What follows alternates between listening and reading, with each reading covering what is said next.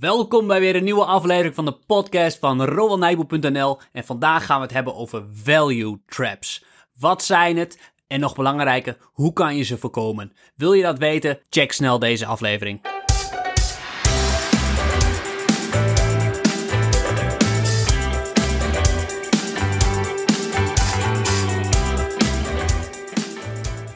Leuk dat je luistert. Mijn naam is Barbara. En ik ben Rowan. Ja, en Rowan, je zei dat we vandaag een podcast gaan opnemen over value traps. Ja, Maar anders dan dat ik het kan vertalen van het Engels naar het Nederlands en het neerkomt op zoiets als een waardevalkuil of een waardevalstrik, zou ik niet weten waar we het nu eigenlijk over hebben vandaag. oké. nou, je bent al heel, heel goed op weg, want het woordje waarde, daar zit denk ik heel veel in. Want als belegger probeer je natuurlijk uiteindelijk minder te betalen voor wat je krijgt. En dat is ook de essentie van waarde beleggen. Je wil eigenlijk euro's kopen en daar 50 cent voor betalen. Dan weet je dat je een goede deal maakt. Ja, dit is dus de kern van waarderen wat jij altijd zegt. Ja, Want ik denk dat dit te volgen is voor iemand die ons al langer volgt. Maar voor iemand die misschien dit als eerste aflevering luistert, denk ik dat het even goed is om bij het begin te beginnen. Want bij aandelen selecteren gaat het er wat jou betreft om dat je op zoek gaat naar een aandeel waar je minder betaalt dan dat hij waard is. klopt. En in ieder geval niet te veel. Ja, ja, klopt. En misschien kun je nog kort samenvatten, hoe doe je dat? Een aandeel selecteren dat minder kost dan dat hij waard is? Ja, dat is eigenlijk wel de heilige graal. Dus ik weet niet of ik dat zo heel snel kan uitleggen. Maar wat je gaat doen is een heel goed onderzoek. Je gaat alle factoren meewegen die een rol kunnen spelen bij dat bedrijf.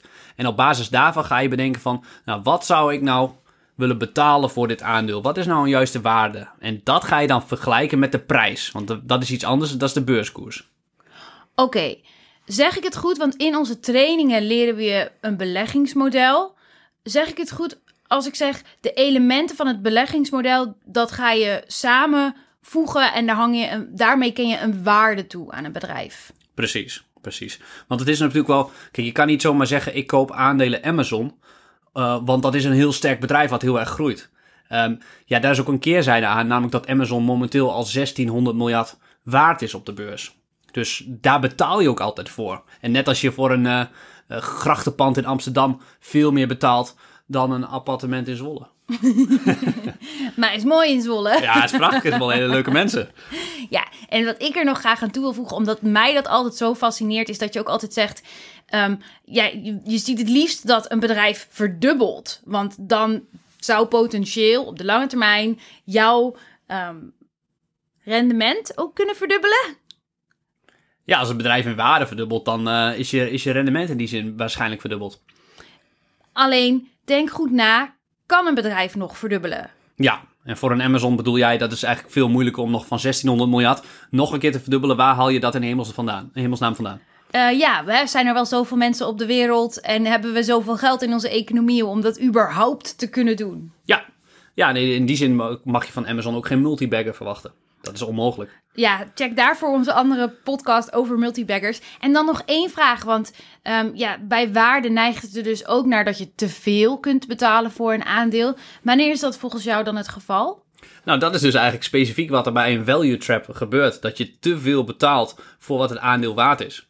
Oké, nou kijk, ik wist het niet, maar we komen er zo op uit. Voordat we het over een value trap gaan hebben, wil ik nog even mededelen iets waar we wel heel erg trots op zijn en heel hard aan gewerkt hebben. Namelijk, wij zijn overgestapt van ons trainingsplatform.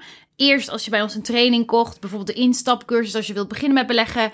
Of als je wilt leren hoe je zelf aandelen selecteert, dan hebben we daar een online training voor. En dat, die gaven we eerst vanuit onze website. Dus je meldde je dan aan op onze website en dan hadden we alles ook heel mooi vormgegeven op onze website. Maar we merkten dat het eigenlijk niet alles bood wat we wilden. Zo wilden we de mogelijkheid om mensen ook echt in een goede community met elkaar te laten praten over wat ze hebben geleerd en de dingen die ze op basis daarvan met elkaar willen uitdelen. Bijvoorbeeld uh, beleggingsanalyses, maar ook handige websites of tools die, die ze dan um, weten. Of, of gewoon de mening vragen aan elkaar over een website. Ik zie altijd uh, dat onze members heel veel uh, weetjes ook uitdelen. Ik zag laatst de hele tijd Alibaba toen dat met Jack Ma zo op en neer ging omdat hij zou zijn verdwenen.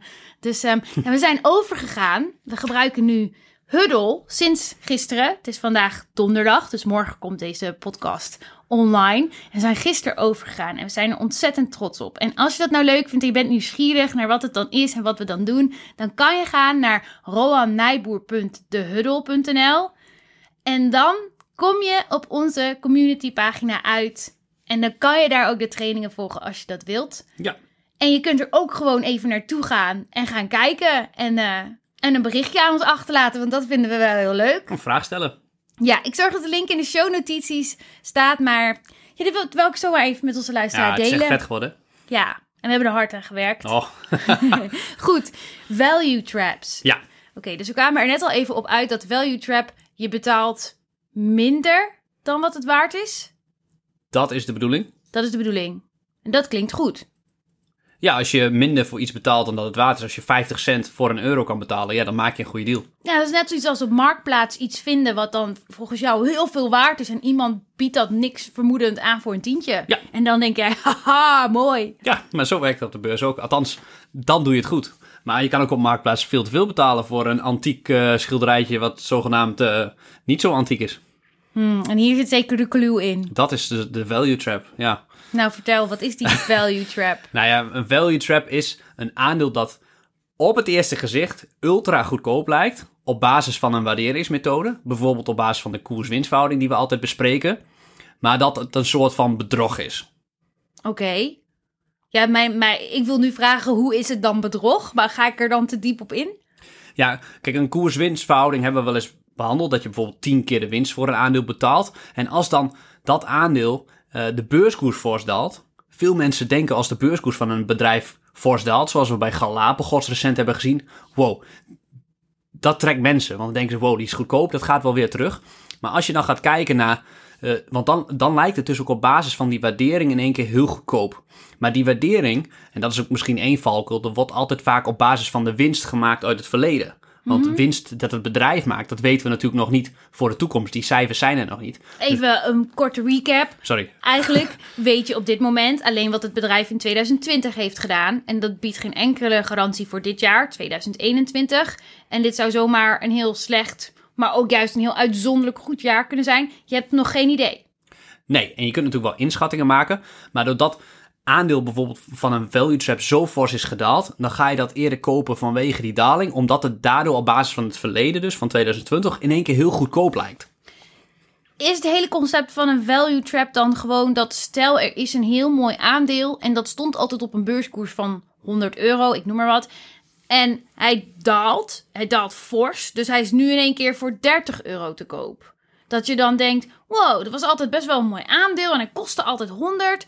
En waarschijnlijk ook de gedachte, die gaat nog wel weer herstellen, want die heeft op 100 gestaan en daar gaat hij vast wel weer naartoe. En dan pak ik mooi die hele stijging vanaf die 30 mee. Ja, klopt. Maar daar wil ik nog wel aan toevoegen dat dan value traps, daar wordt vooral ingetrapt door eh, beleggers die waarderen. En die kijken dan vrijwel alleen naar de cijfers. En dan lijkt het in één keer optisch een hele, la, hele goedkope waardering. Eh, er zijn wel heel veel voorbeelden in het verleden wat value traps van hele bekende bedrijven zijn geweest. Alleen dan gaat dat dus op basis van het verleden. En dan lijkt die daling van 100 naar 30 waar jij het over had, lijkt dan heel aantrekkelijk. Maar op basis omdat hij dan heel goedkoop is. Maar hij is dus niet zo goedkoop omdat die winst uit het verleden in de toekomst misschien niet meer terug gaat komen.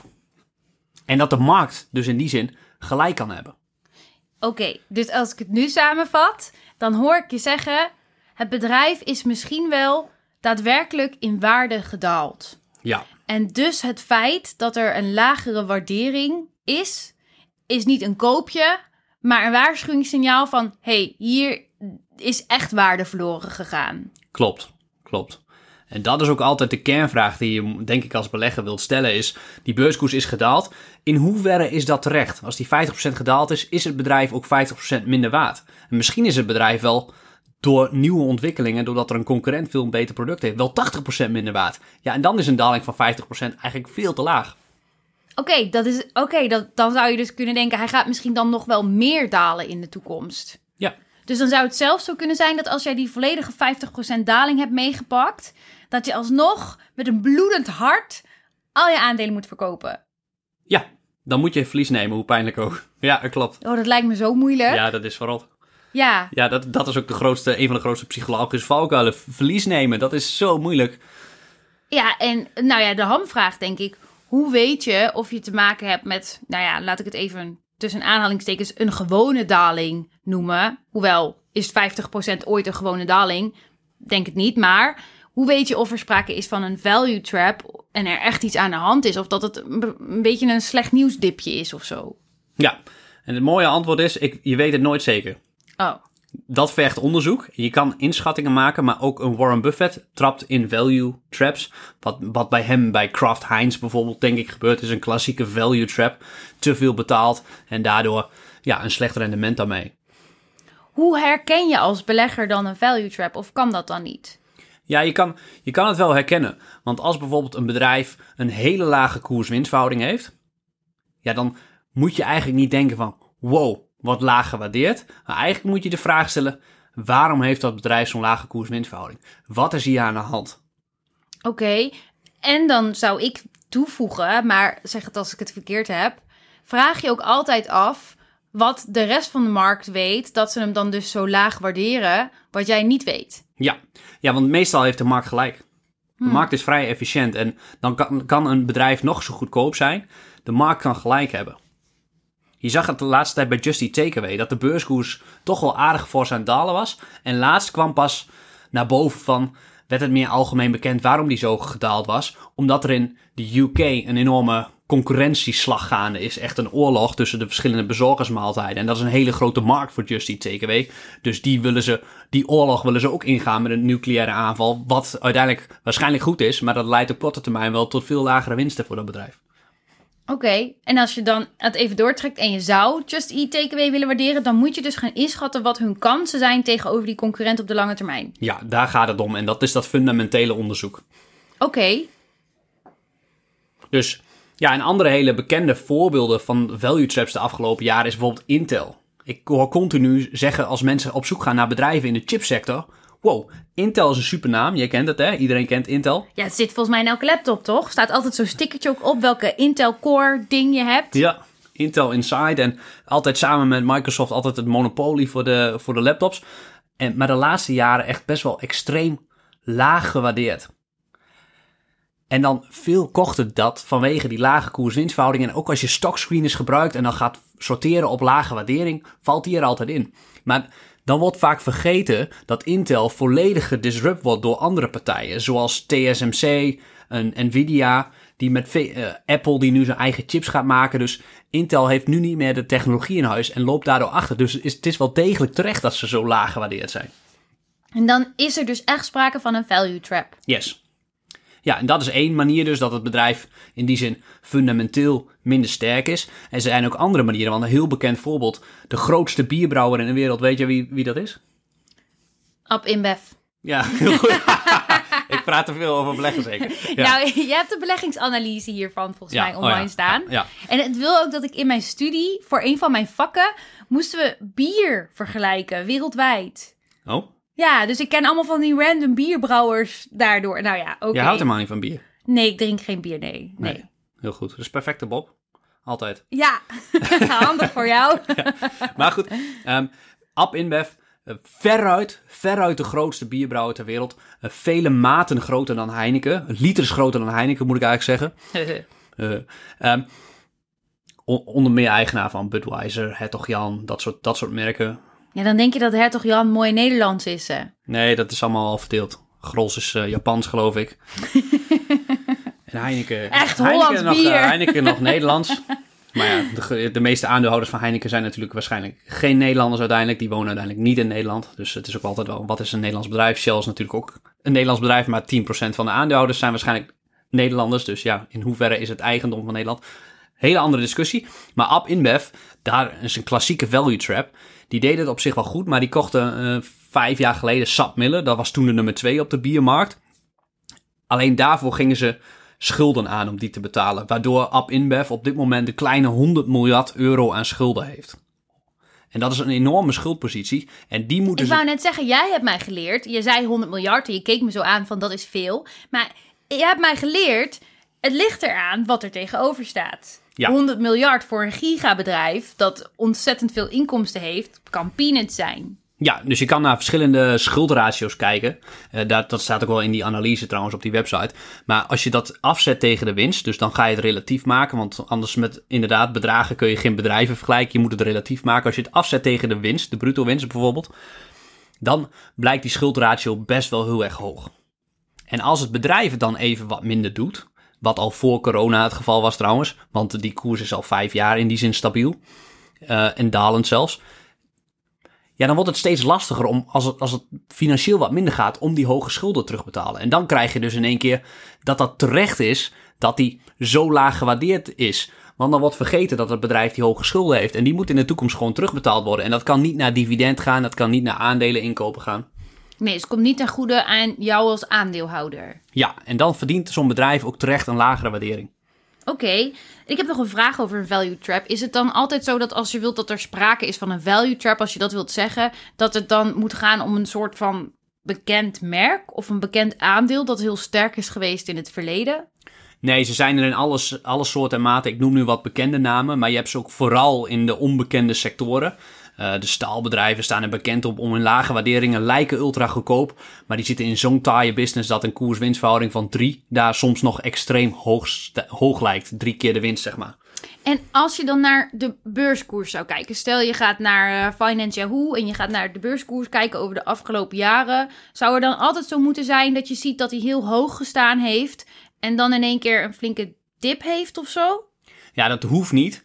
Uh, maar vaak lokt dat juist uh, value jagers uit. Mensen die op zoek zijn naar koopjes. En dat is vaak heel slim, maar soms dus niet als je te, als je te maken hebt met een value trap. En daarom uh, komt dat vooral voor bij bedrijven die, dat, dat was, die waren misschien eerst glorieus. Die beurskoers is fors gedaald, lijken nu optisch heel goedkoop, maar valt dus in de praktijk tegen omdat die winst in de toekomst uiteindelijk slecht gaat zijn. Oké, okay, duidelijk. Bedankt. Pandora bijvoorbeeld van die armbandjes was ook een klassieke value trap een paar jaar geleden dat in één keer als de hype dan iets overslaat, dat mensen die armbandjes of door concurrentie of door alternatieven niet meer zo cool vinden, ja, dan, dan slaat dat in één keer om. En dat kan zomaar een permanente groeiverandering voor zo'n bedrijf zijn. Oké, heb je nog een voorbeeld?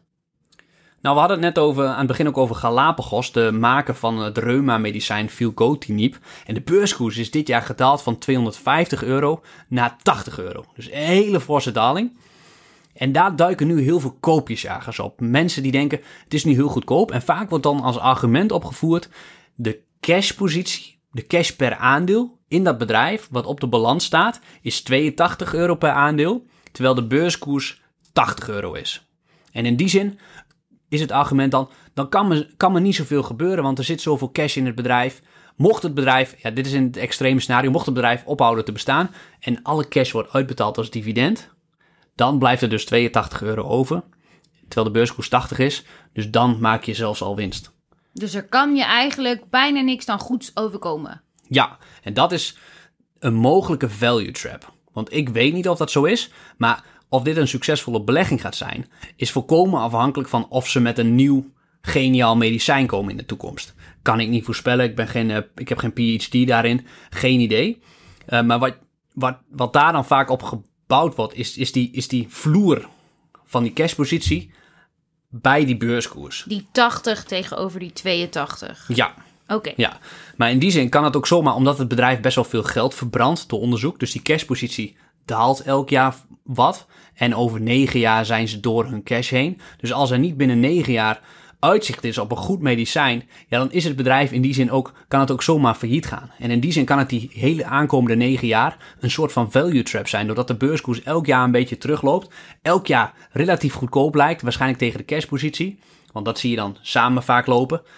Maar ja, tenzij er een fantastisch medicijn komt, dan gaat het natuurlijk uh, supergoed. Maar dat, ja, dat is een beetje gokken. Maar dat is dan in dit voorbeeld heel specifiek omdat zij afhankelijk zijn van een medicijn produceren. Dus ik kan me voorstellen dat bij andere sectoren, andere type bedrijven, dit niet zo opgaat. Klopt. Ja, hier kan je het ook niet zo zeker over zeggen, een value trap, omdat het gewoon echt gokken is. Bij andere bedrijven kan je het wel veel beter onderzoeken. Je kan wel bij Intel kijken hoe het met hun technologie zit. Hoe, hoeveel nanometer chip zitten ze? Dan zie je dat ze ruim achter liggen op TSMC bijvoorbeeld. Hier heb ik geen verstand van, maar het klinkt heel wijs. Oké. ja, ik wil liever niet te wijs klinken. Waarom niet? Ja, dan stoot je mensen mee af. Da- dan maak je het juist beleggen weer moeilijk. Dan bouw je zo'n eh, drempel op alsof het, alsof het heel moeilijk is. Dus het is de bedoeling dat we in gewoon normaal Nederlands uitleggen. Ik vind dit wel een pittige podcast hoor. Ik moet af en toe wel flink mijn hersenen laten kraken om te volgen wat je zegt. Snap ik, ik vind, maar ik vind het heel leuk. Oké, nou, dat, dan vinden er vast andere mensen het ook heel leuk. Ik hoop het. Ja. Laat vooral weten ook wat je ervan vindt natuurlijk. Ja.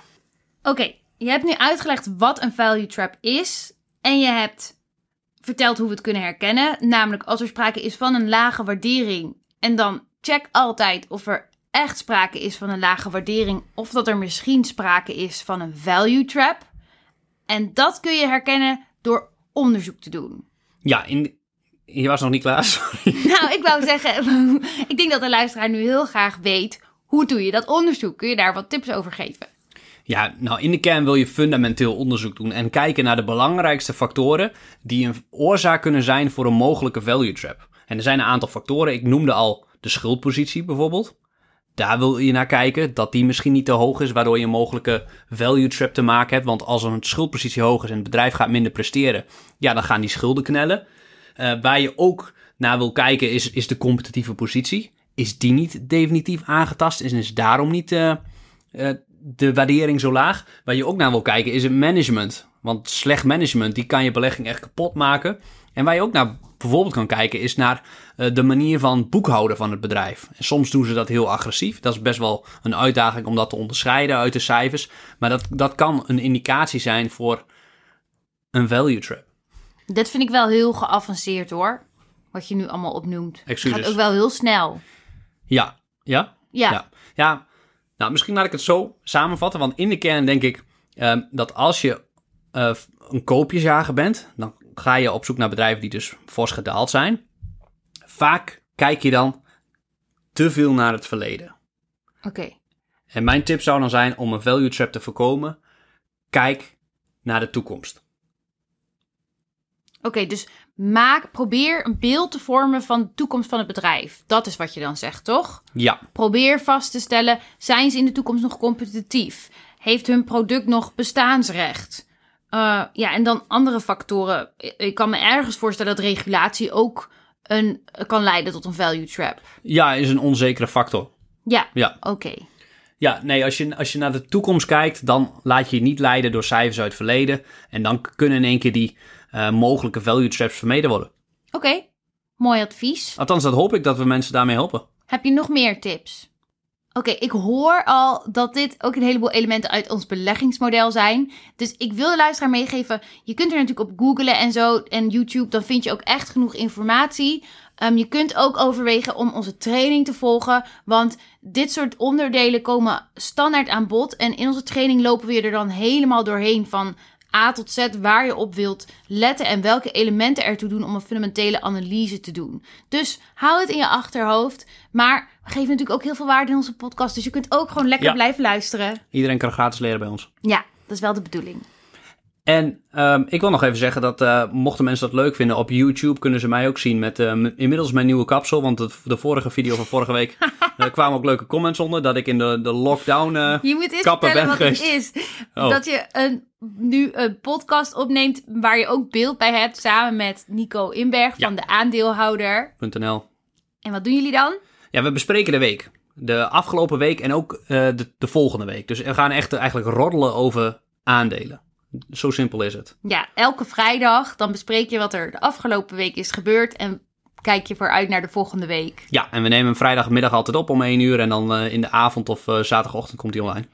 Ja, en er stond dus een fantastische comment onder bij de vorige. Iets over het behang van Nico. Ja, Maar ook dat jouw kapper in lockdown was. Kijk, je hebt natuurlijk best wel krullend haar. En het ziet er best snel slordig uit op de een of andere manier. Ik terwijl, denk het. Terwijl ik vind dat dan niet. Maar als het wat langer wordt, dan valt het natuurlijk heel nonchalant. Dus Ja. het lijkt al snel. ja, ja, ja. Ja, Ja. ja. nee, klopt. Maar Nee, nu ben je dus je bent naar kapper Barbara geweest. Ja, ja. Maar als je dat leuk vindt om te volgen, kan je via YouTube kijken. Als je zoekt op de aandeelhouder. Of, of maar ook gewoon luisteren via Ja. alle podcastkanalen. Via de aandeelhouder. Maar als je benieuwd bent hoe goed ik het doe als kapster... dan zou ik vooral even gaan Ja. kijken. Klopt. Oké, terug naar ons onderwerp. Ja, bedankt voor het luisteren, denk ik. Oh, is, het, eh, is dit het einde al? Ja. Oké. Nou, dan in dat geval dankjewel weer voor je mooie uitleg, Roan. Dat zeg ik niet altijd, maar je legt het heel duidelijk uit wat mij betreft. Nou, dankjewel voor de mooie vragen, Barbara. Dat zeg ik ook niet altijd, maar je doet het echt heel goed. Ik denk dat je het perfect samenvat en uh, je bent geweldig. Oh, dat is lief. En luisteraar, als je een vraag hebt of je wilt reageren op onze podcast, doe dat dan echt vooral. En je kunt dus nu ook naar onze community komen. roannijboer.dehuddle.nl. Check de shownotities voor de link. En dan horen we je de volgende keer weer. Bedankt voor het doei, luisteren. Doei.